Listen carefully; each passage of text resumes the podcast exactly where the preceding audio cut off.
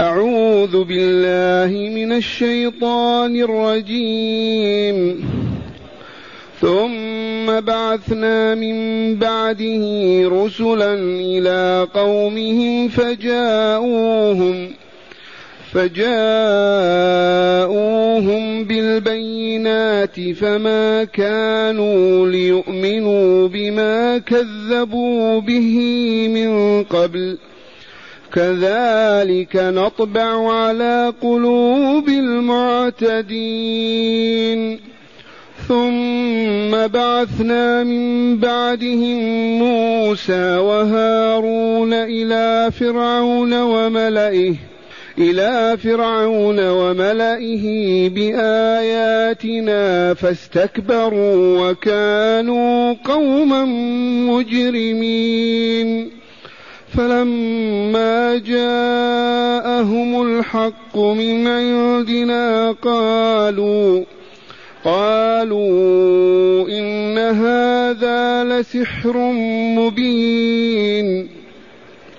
قال موسى أتقولون للحق لما جاءكم أسحر هذا ولا يفلح الساحرون؟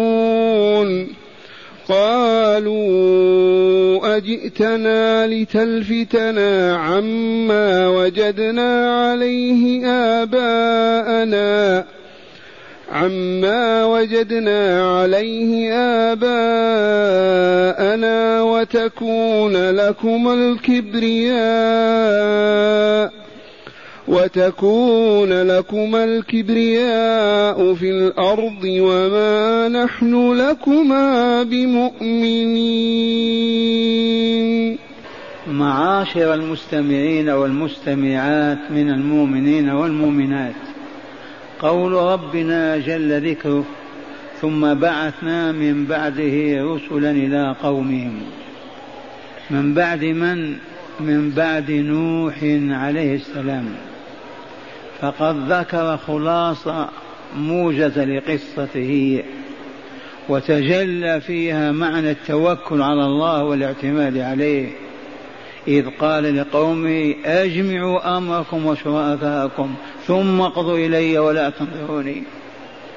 ولكن توكله على الله حماه ونجاه وأهلك أعداه فانظر كيف كان عاقبتهم. هلكوا عن آخرهم بحادثة الطوفان التي عمت الكرة الأرضية من شرقها إلى غربها. ثم قال تعالى ثم بعثنا من بعده. ابتدأت البشرية تنتشر في الأرض. إذ أهل السفينة نيف وسبعون رجلا وامرأة. لا بد من قرنين ثلاثة أربعة. فأصبحت هناك أمم ومن بينهم عاد فأرسل إليهم رسوله هودا فأبوا إلا الكفر والشرك والعناد فدمرهم الله واستأصل وجودهم. بعد عاد ثمود فأرسل الله فيها وإليها صالحا فكفروا وعاندوا وأصروا على الشرك والباطل فأهلكهم.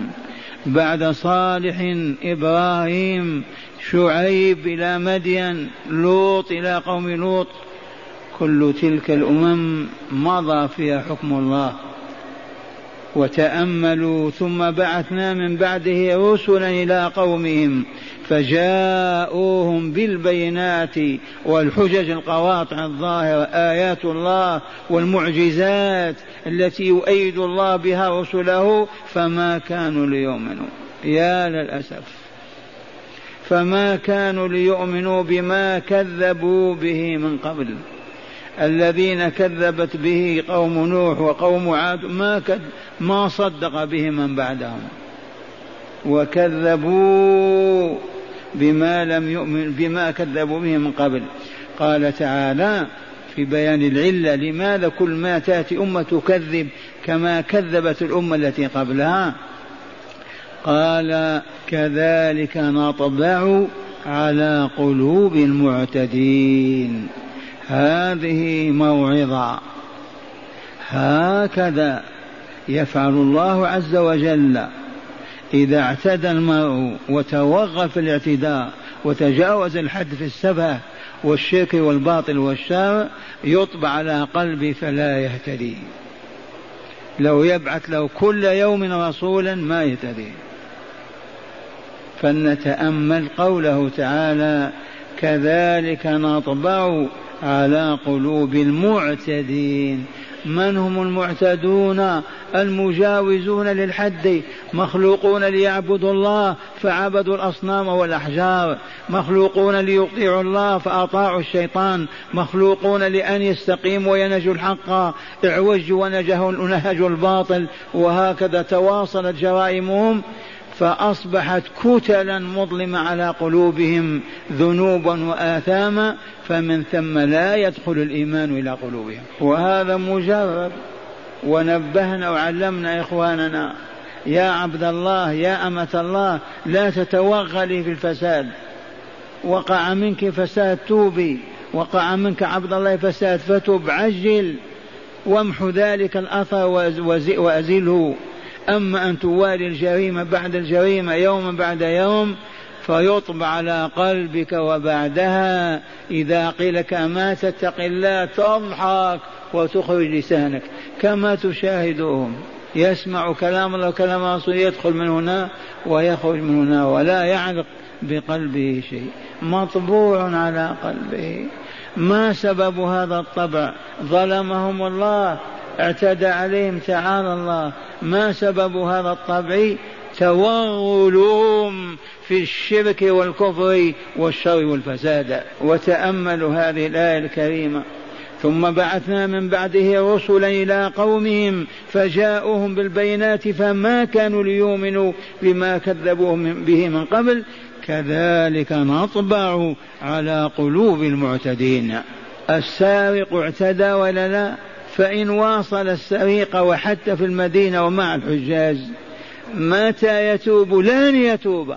بنوا عمارات بالسرقة. وقالت الحكماء عندما يأخذ الشرطي أو البوليس السارق والحديد في يده وهو يجره إلى السجن في تلك الساعة ماذا يفكر السارق؟ كيف يسرق إذا طلق؟ ما سر ذلك؟ الطبع على القلب. واصل الجريمة فأصبحت خلقا من أخلاقه وطبعا من طباعه.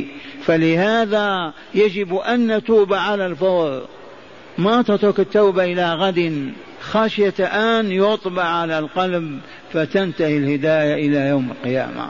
أما فهمتم قوله تعالى كذلك نطبع على قلوب المعتدين ما قال بنو تميم ولا هاشم ولا أبيض ولا أسود ولا عرب ولا عجم. المعتدي ذكرا كان أنثى شريفا أو وضيعا في الأولين أو الآخرين. هكذا سنة الله. الماء يروي والطعام يشبع والنار. تحرق والحديد يقطع والسحر أو والنار تحرق. والشاهد عندنا في أن لله سننا لا تتبدل ولا تتخلف. ثم قال تعالى ثم بعثنا من بعدهم من بعد تلك الأمم عاد وثمود وصالح ومدين وإبراهيم وقوم لوط. بعثنا من بعدهم موسى وهارون ابنا عمران عليهم السلام. أخوان شقيقان نبيان رسولان. نادرة هذه. أخوان شقيقان نبيان رسولان. ومن غريب ومن ألطف اللطائف أن موسى سأل الله تعالى أن ينبئ أخاه وأن يرسله معه. ثم بعثنا من بعدهم أي من بعد تلك الأمم الهالكة المكذبة الكافرة المطبوع على قلوبها موسى وهارون. بعث بهما إلى من إلى فرعون وملئه. فرعون ملك مصر وملأه رجاله من رجال القضاء والحكم والشرطة والمال وما إلى ذلك. ملأه. الذين إذا نظرت إليهم ملأوا عينيك إلى فرعون وملئه بآياتنا. بعثنا موسى وأخاه هارون إلى فرعون ورجاله بعثناهم بماذا؟ بآياتنا. ألا وهي تسع آيات معجزات خارقة للعادة. اقرأوا منها فأرسلنا عليهم الطوفان. والجراد والقمل والضفادع والدم آيات مفصلات. والعصا انقلبت جانا. وعصا البحر انفلق البحر فرقتين. ذي هي التسع آيات. بآياتنا فاستكبروا مع الأسف. تكبروا وتعالوا وترفعوا وقالوا هذا سحر. وهذا تسجيل وهذا باطل هذه مؤامرة ضد ملكنا وحكومتنا. نعم. ما هو فرعون وحده رجالات أقوياء معه. قال تعالى فاستكبروا عن قبول الحق والإذعان له والدخول في الإسلام بتسليم موسى بني إسرائيل. يخرج بهم من ديار الاستعمار. إلى ديار الاستقرار في فلسطين ثم ليترك فرعون ألوهيته الكاذبة وربوبيته الباطلة ويترك الناس يدخلون في رحمة الله فيسلمون قلوبهم ووجوههم لله. كذبوا بآياتنا فاستكبروا عنها وكانوا قوما مجرمين.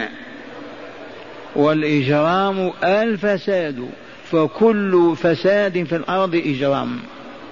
وكانوا مجرمين. قال تعالى في بيان القصة فلما جاءهم الحق من عندنا يحمله موسى وأخوه هارون قالوا إن هذا لسحر مبين. العصا تنقلب إلى عفريت جان تهتز كنجان هذه الأحداث التي شاهدوها الطوفان الذي عمهم الدم والعياذ بالله تعالى القمل الضفادع كل هذه قالوا هذا سحر. سحرنا فقط. أبوا أن يقولوا هذه آيات الله ذي معجزات الله هذه آيات النبوة. قالوا إن هذا لسحر مبين واضح بين. وهم يشاهدون السحر كيف بطل مع موسى. في ذلك المؤتمر العظيم الذي جمع فرعون كل السحرة في دياره واجتمعوا في ساحة واحدة وعصا موسى ابتلعت ذلك الباطل كله. مع هذا قالوا سحر السحر عندكم؟ نعم. أما هذا الذي جاء به موسى هذه الآيات التسع ليست من السحر في شيء. ثم قال لهم موسى أتقولون للحق لما جاءكم سحر يعتب عليهم يوبخهم يلومهم. أتقولون يا للأسف للحق لما جاءكم سحر؟ ثم قال أسحر هذا الذي شاهدتموه ولا يفلح الساحرون. كيف أفلحت أنا إذن؟ لو كان عملي وآية السحر ما نفلح. لكن جماعتكم وسحرتكم خابوا وخسروا ما أفلحوا لأنهم يتعاملون بالسحر. أما أنا كيف تقولون في سحر وقد قهركم وأذلكم؟ أسحر هذا وأنتم تعرفون أنه لا ينفع لا يفلح الساحرون. وكيف أفلحت أنا؟ وحطمت سحركم وسحرتكم. ماذا يقولون الآن؟ قالوا أجئتنا لتلفتنا عما وجدنا عليه آباءنا. ذي مهمتك عرفنا هدفك تريد أن تحكم وتملك. هذا هو الغرض. لا تريد أن يعبد الله ولا غير الله ولك كل ما في الأمر تريد أن تعلو وترتفع. فتصرفنا عما عليه آباؤنا وأجدادنا من عبادات وتكون أنت الحاكم السلطان في الأرض. هذا ماذا؟ هذا قول السياسيين.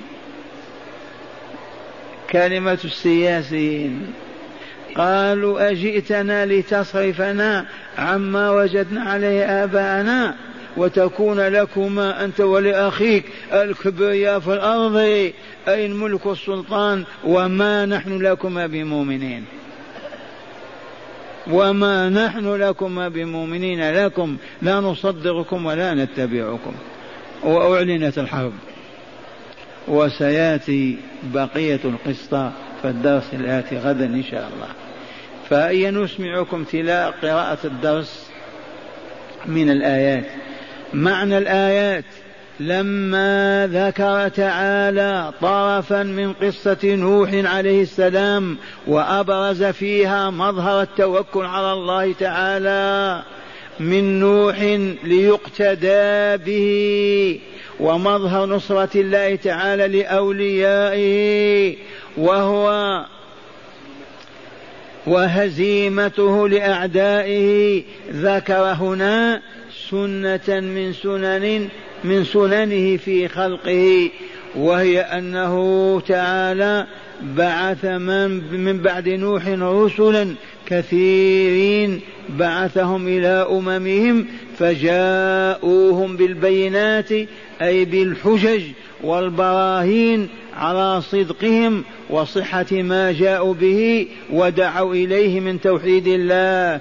فما كان أولئك الأقوام فما كانوا ليؤمنوا بما كذب به من سبقهم من أمة نوح. قال تعالى كذلك كذلك نطبع على قلوب المعتدين. هذا بيان سنة الله تعالى في البشر وهي أن العبد إذا أذنب وواصل الذنب بدون توبة يصبح الذنب طبعا من طباعه لا يمكنه أن يتخلى عنه. وما الذنب إلا اعتداء على حدود الشارع فمن اعتدى واعتدى وواصل الاعتداء حصل له الطبع وكان الحكم على الختم على القلب فيصبح لا يقبل الإيمان ولا يعرف المعروف ولا ينكر المنكر. كما بينا وقوله تعالى ثم بعثنا من بعدهم موسى وهارون أي من بعد الأمم الهالكة. بعثنا رسولنا موسى وهارون ابني عمران إلى فرعون إلى فرعون وملئه. بعثناهما بآياتنا المتضمنة الدليل على صحة مطلب رسولينا وهو توحيد الله تعالى. وإرسال بني إسرائيل معهما فاستكبروا أي فرعون وملأه وكانوا قوما مجرمين حيث أفسدوا القلوب والعقول وسفكوا الدماء وعذبوا الضعفاء. يقول تعالى عنهم فلما جاءهم الحق من عندنا قالوا إن هذا لسحر مبين. أي لما لما لما لما بهرتهم المعجزات وهي آيات موسى وأبطلت إفكهم وكذبهم. قالوا إن هذا لسحر مبين تخلصا من الهزيمة التي لحقتهم. فرد موسى عليهم بقوله أتقولون للحق لما جاءكم هذا سحر؟ ثم بعد توبيخهم استدل على بطلان قولهم بكونه انتصر عليهم فأفلح بينهم وفاز عليهم فقال أسحر هذا ولا يفلح الساحرون. فلو كان ما جئت به سحرا فكيف أفلحت في إبطال سحرتكم وهزيمة سحركم في إبطال سحركم وهزيمة سحرتكم؟ فلما أفحمهم بالحجة قالوا مراوغين أجئتنا لتلفتنا أي لتصرفنا عما وجدنا عليه آباءنا وتكون لكم الكبرياء في الأرض أي وتكون لكم السيادة والملك في أرض مصر. فسلكوا مسلك الاتهام السياسي. سمعتموه. فسلكوا مسلك الاتهام السياسي وقالوا وما نحن لك بمؤمنين أي مصدقين ولا متبعين. فهمتم هذه الآيات؟ هكذا يدرس كتاب الله. هداية الآيات. هل للآيات من هداية؟ نهتدي بها إلى الحق وإلى النجاة والسعادة؟ نعم. أولى الهدايات بيان سنة الله في البشر. ما هي؟ وهي أن التورط في الشر والفساد والظلم يوجب الختم على القلب فيحرم العبد الإيمان والهداية. وذكرنا غير ما مر أن الذين أصروا على التدخين شيشة أو حشيشة أو دخان إذا دخنوا عشرين سنة ثلاثين ما يتوبون ما يستطيعون. وهكذا كل الجرائم. ثالث ثانيا ذم الاستكبار وأنه سبب كثير من الإجرام وأنه سبب كثير من الإجرام. الاستكبار والعياذ بالله. المتكبر ما يطاطع رأسه ولا يقبل الحق. كما فعل فرعون وملأه. ثالثا تقرير أن السحر صاحبه لا يفلح أبدا. من يأتينا بساحر أفلح؟ نهايته الدمار والخراب. تقرير أن السحر صاحبه لا يفلح أبدا ولا يفوز بمطلوب ولا ينجو من مرهوب. فنعوذ بالله من السحر وأهله. رابعا الاتهامات الكاذبة. من شأن أهل الباطل والظلم والفساد والفساد. يتهمون بالباطل الشخص من أجل تحقيق أهدافهم الباطلة والإصرار على منكرهم وظلمهم. من أين أخذنا هذه الهداية؟ قال وجئتنا لتأفكنا عن آلهتنا وتكون لكم الكبرياء في الأرض. وهكذا